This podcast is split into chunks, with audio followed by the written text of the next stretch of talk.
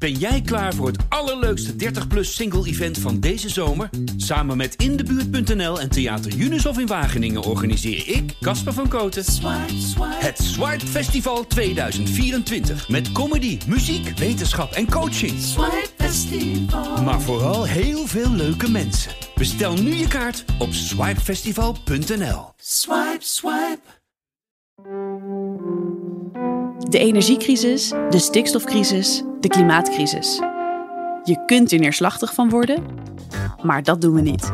Mijn naam is Nienke Zoekbrood. En ik ben Hanne van der Wurf. En dit is De Klimaatkwestie, de groene podcast van Trouw. Samen onderzoeken we wat er speelt en wat we doen om ervoor te zorgen dat de aarde niet vergaat.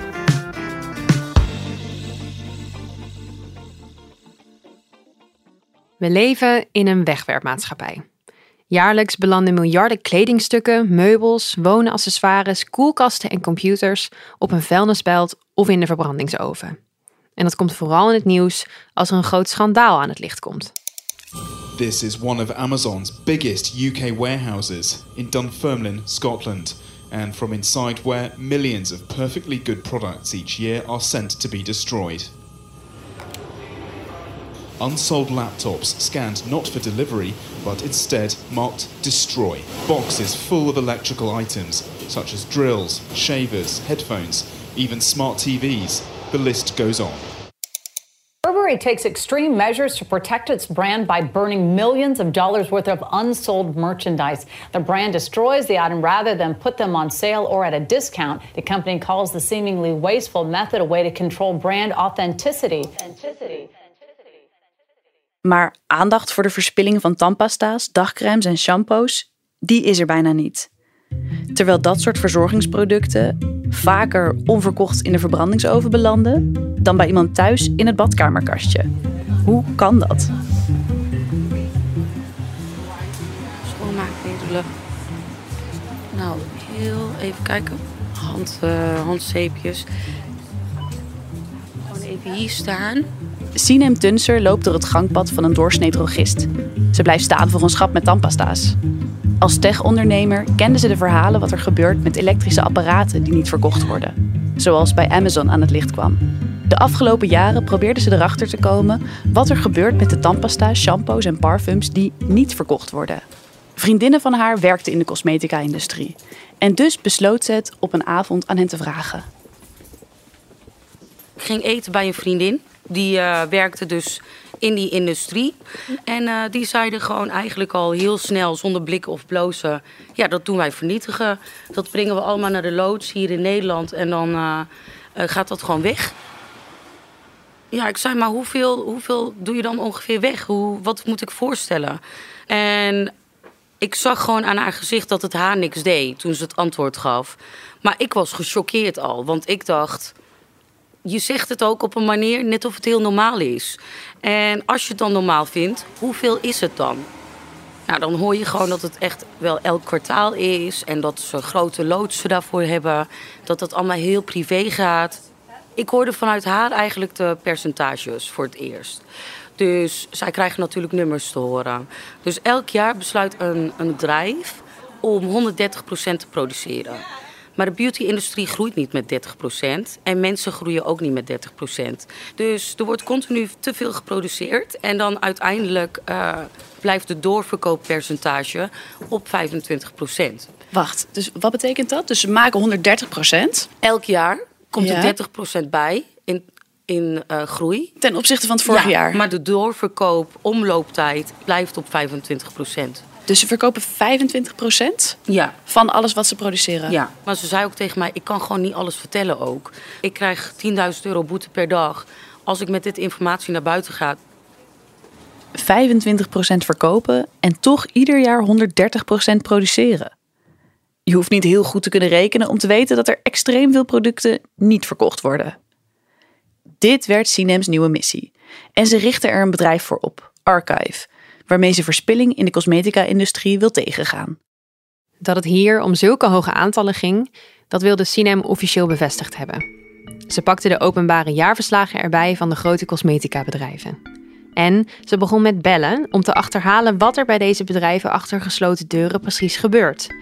En daarvoor zette ze haar beste beauty-industrie stem op. Vol termen als targets, brands en overstock. Ja, toen ben ik eigenlijk uh, met ze gaan bellen. Um, Wat waren de reacties? Nou, daar heb ik nog nooit van gehoord. Zijn, worden de producten weggegooid? Nou, dat hebben wij nog nooit meegemaakt binnen deze organisatie. Dus ontkenning is eigenlijk het grootste probleem op het moment uh, binnen bepaalde organisaties. Je hebt altijd boze mensen die bij bedrijven weggaan. Die beginnen een nieuw merk en die zeggen: Ik wil het geheel anders doen. En dan vraag ik aan hen: Maar waarom wil je het dan anders doen? Die zeiden: Nou, ik heb het zelf meegemaakt. 80% van de stok die werd soms vernietigd in van die kamertjes waarbij we het met een team gingen bespreken. Het verkoopt niet, we hebben het geprobeerd. Dus gewoon ASAP uh, moet dit gewoon weg. Dus dan hoor je eigenlijk al dat op brand level, dus vanaf het begin van de keten, degene die besluit om te produceren, als zij zien dat een product niet snel genoeg loopt in de winkel, dus waar we nu staan, dat ze alles weer terughalen en dat het dan wordt besloten om te vernietigen. Dit waren van die heerlijke validatiemomentjes. Dat ik dacht, zie je wel, zie je wel, 80% van de stok Sinem weet via een omweg te achterhalen dat sommige bedrijven wel 80% van de producten laten vernietigen. Een gigantische hoeveelheid. Maar wat er vooral uitspringt voor haar, bedrijven, tot in de bestuurskamers aan toe, lijken bewust opdracht te geven om zoveel te produceren. En daarmee dus ook om zoveel weg te gooien. Waarom doen ze dit? Daarvoor moest Sinem toch echt in gesprek met die bedrijven zelf door een paar slimme trucjes. Ze zei bijvoorbeeld dat ze wel eens informatie nodig had voor een schoolopdracht. Krijgt ze medewerkers van fabrieken en afvalverwerkingsbedrijven aan het praten. En zelfs de grote merken doen voorzichtig een boekje open over deze kromme logica van overproductie en vernietiging. En die begint bij de winkeliers, zoals de drogist waar we nu staan. Producten moeten gewoon een soort van een doorloop hebben, in principe. En de productie die gaat maar door. Dus wat wordt, wat wordt er gedaan? Na een kwartaal worden die dingen weer opgehaald en wordt het weer aangevuld met nieuwe producten. Dus uh, het is voor hun heel belangrijk dat dit uh, heel snel achter elkaar wordt verkocht eigenlijk. Dat is hun hele doel. En daarom halen ze het ook weer snel op. En dan komt de volgende batch. Halen ze het snel op, komt de volgende batch. Ondertussen zit de winkel met een magazijn dat uitpelt van de spullen. Dus soms zie je dat toch, hè? van die hamsterbakken, uh, eh, 70% stickers. Als het daarna toch nog blijft liggen, wat ga ik nu met die producten doen? Maar stel je voor, je hebt een shampootje van André Lon, Garnier. Ja, dat zijn uh, producten die, die niet zoveel kosten. Ja, dus als je lage marges hebt, dan moet je ervoor zorgen dat elke 10 centje heel erg telt. Dus zij zullen niet idealiter meteen willen vernietigen. Dus dan komt het ook bijvoorbeeld bij de Action of de Amazon terecht.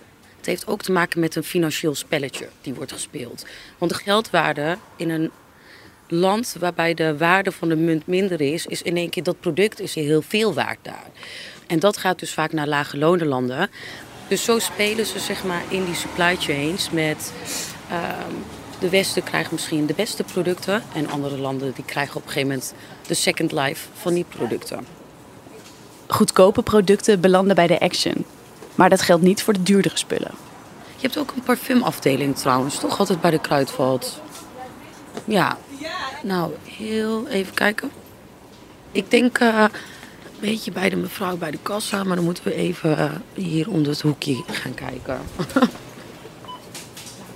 um, er is wel een verschil tussen producten die bijvoorbeeld hè, een tientje kosten en producten die 100 euro kosten. En luxe producten, um, die van 100 euro, die zijn hier nu toevallig eventjes niet of minder. Uh, bij hun merk je gewoon dat ze iets meer exclusief willen zijn. Dus die willen niet in elke kruidvat of action terechtkomen. En dat wordt dan bij default wordt dat vernietigd. Want hun doel is om het altijd voor 100 euro te verkopen en niet voor 60. Dan kan het gewoon beter zijn dat ik het vernietig, want dan ga ik het weer voor de topprijs verkopen. Maar vernietigen zou je kunnen zeggen kost alleen maar meer geld. Nou, dat is dus heel goedkoop. Uh, je betaalt ongeveer 37 cent per kilo. En uh, ja, dat, dat is gewoon de realiteit. Dit is dus de kromme logica in je badkamerkastje. Die tandpasta voor 4 euro, die het kruidvat niet kan verkopen aan klanten, die wordt doorverkocht aan de Action, die hem voor 2 euro verkoopt. Maar de dure aftershave of de gezichtscreme van Chanel voor 100 euro wordt niet alsnog verkocht voor 60 euro. Zo blijven de merken luxe en exclusief. Zo kunnen ze mensen zover krijgen om steeds weer die 100 euro neer te tellen. En ze maken zoveel winst dat het niet uitmaakt dat de rest in de verbrandingsoven verdwijnt. Sterker nog, daar betaal jij voor als je iets voor de hoofdprijs koopt.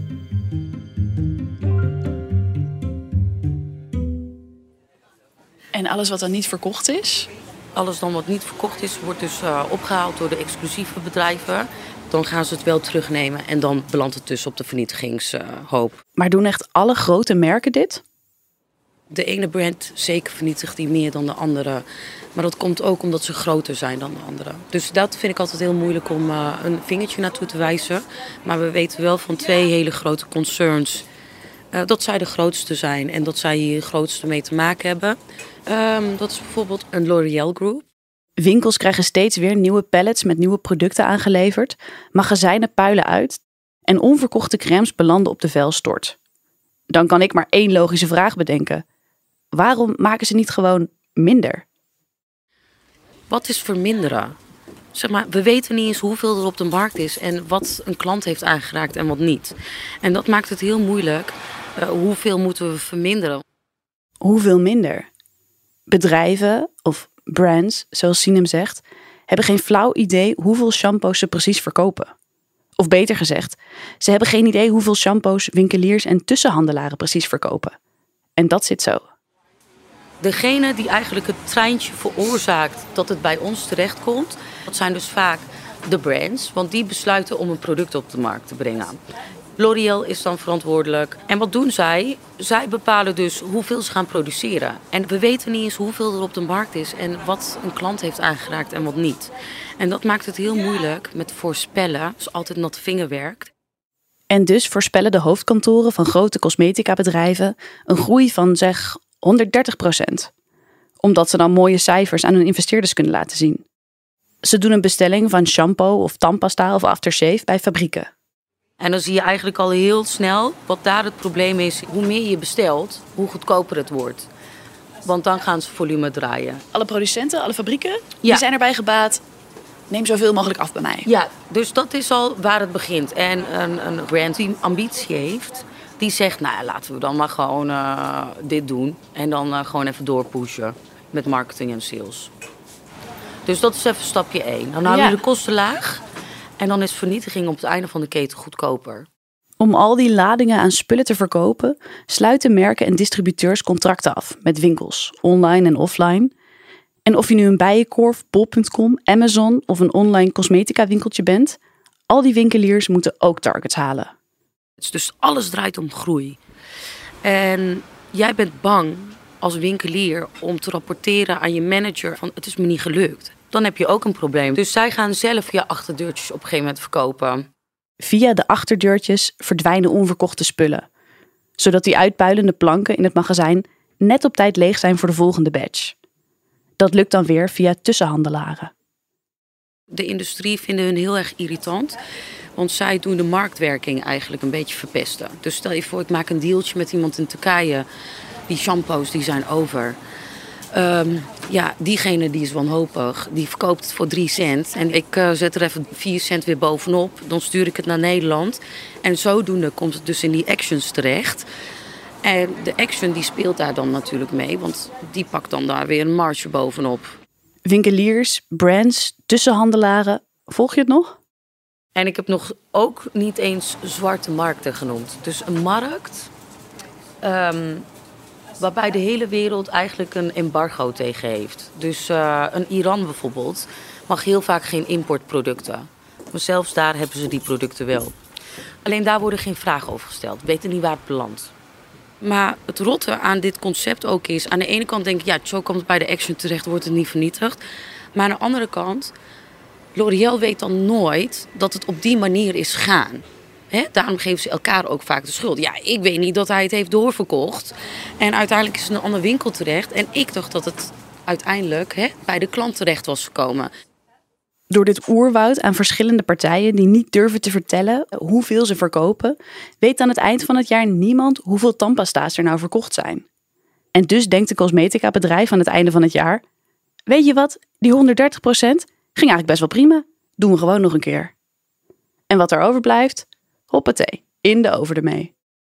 het vernietigen van producten op het einde van de keten. Waarbij we ingrediënten hebben verbouwd door boeren. Um, daar een product van hebben gemaakt. Om dat op het einde te vernietigen is eigenlijk het ergste wat je doet.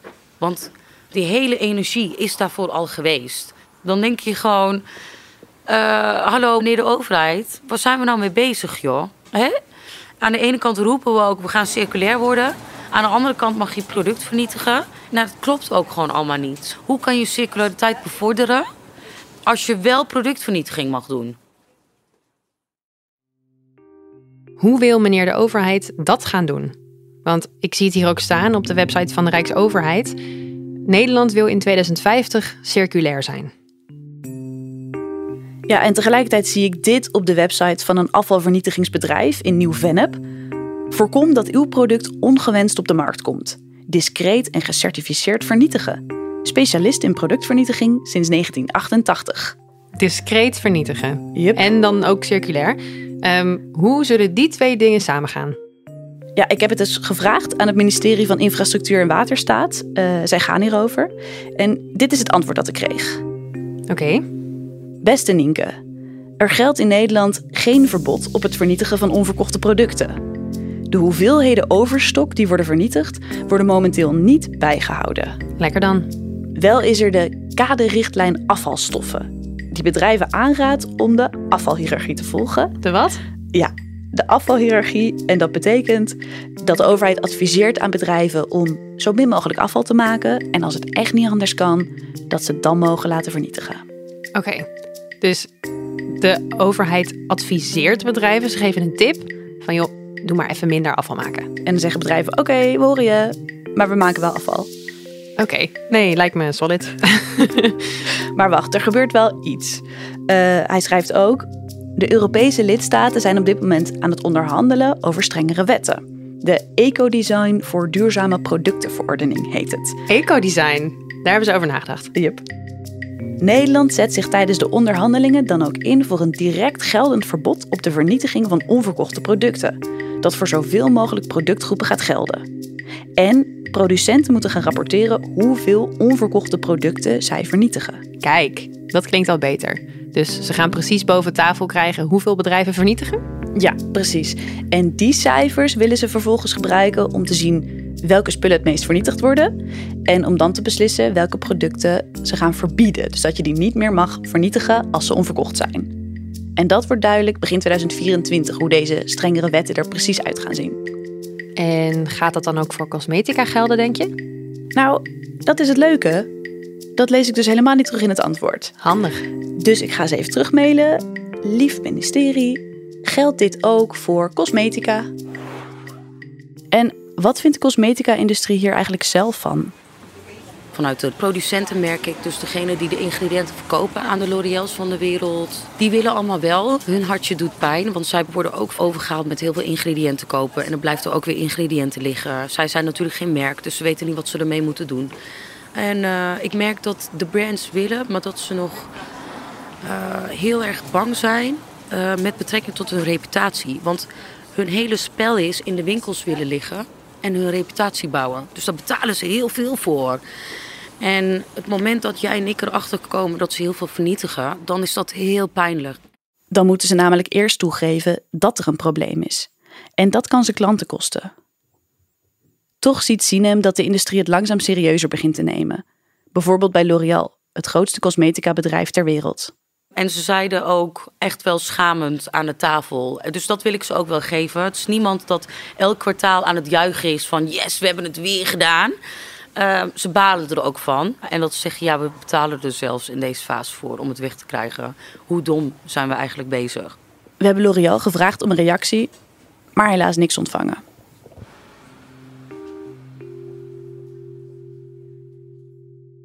Gaan die strengere regels waar de EU-landen nu over onderhandelen ook gelden voor cosmetica? En de woordvoerder zegt: Nederland heeft zich ingezet voor in ieder geval een verbod op vernietiging van onverkochte kleding, elektrische en elektronische apparaten en schoenen. Dus geen cosmetica. Cosmetica valt hier niet onder. Omdat voor deze productgroep geen data beschikbaar is dat de vernietiging daadwerkelijk plaatsvindt. Dan meen je. Ja, We hadden wel informatie over de vernietiging van kleding, elektrische en elektronische apparaten en schoenen, waardoor we hard konden maken dat een verbod op vernietiging voor deze producten gegrond is. Oké, dus omdat er nog geen cijfers zijn hoeveel cosmetica precies vernietigd wordt, wordt het nu dus niet verplicht om cijfers hierover bij te houden. Precies. Oké. Heerlijke cirkelredenatie. En toch is precies dat wat wel nodig is, zegt Sinem. We hebben cijfers nodig om ervoor te zorgen dat er niet zoveel cosmetica in de vernietigingsoven belandt. Dus een, uh, een kruidvat waar we nu staan, die zou gewoon data moeten delen met L'Oréal. En die zou eerlijk moeten zeggen, op een gegeven moment had ik er drie, twee, vier over. Nou, dat lukte me niet. En toen zou jij me op mijn kop geven, want was, ik kon het niet meer verkopen. Nou, toen heb ik het stiekem aan de Action verkocht. Of aan Turkije ergens waar niemand erachter kwam. Nou, daar heb ik toch mijn geld mee verdiend. En ik zeg, ja meneer L'Oréal, jij moet gewoon weten waar je stok is. Uiteindelijk zou je toch data met elkaar moeten delen. Dit was De Klimaatkwestie, de groene podcast van Trouw. Ben je benieuwd wat je zelf kunt doen om verspilling in de cosmetica-industrie tegen te gaan? Lees dan verder op trouw.nl. Je vindt de link in de show notes van deze aflevering. Daar lees je ook wat Sinem Tunster zelf doet om cosmetica van de verbrandingsoven te redden. Deze aflevering werd gemaakt door Hanna van der Wurf en door mij, Nienke Zoetbrood. Met dank aan Sinem Tunster van Archive en Robin van Wegem. De mixage werd gedaan door George Paul Henneberken en eindredactie is in handen van Charlotte Verlauw. Oh, en je helpt ons trouwens heel erg door sterren te geven in je podcast-app. Zo kunnen meer mensen deze podcast vinden. Tot de volgende keer.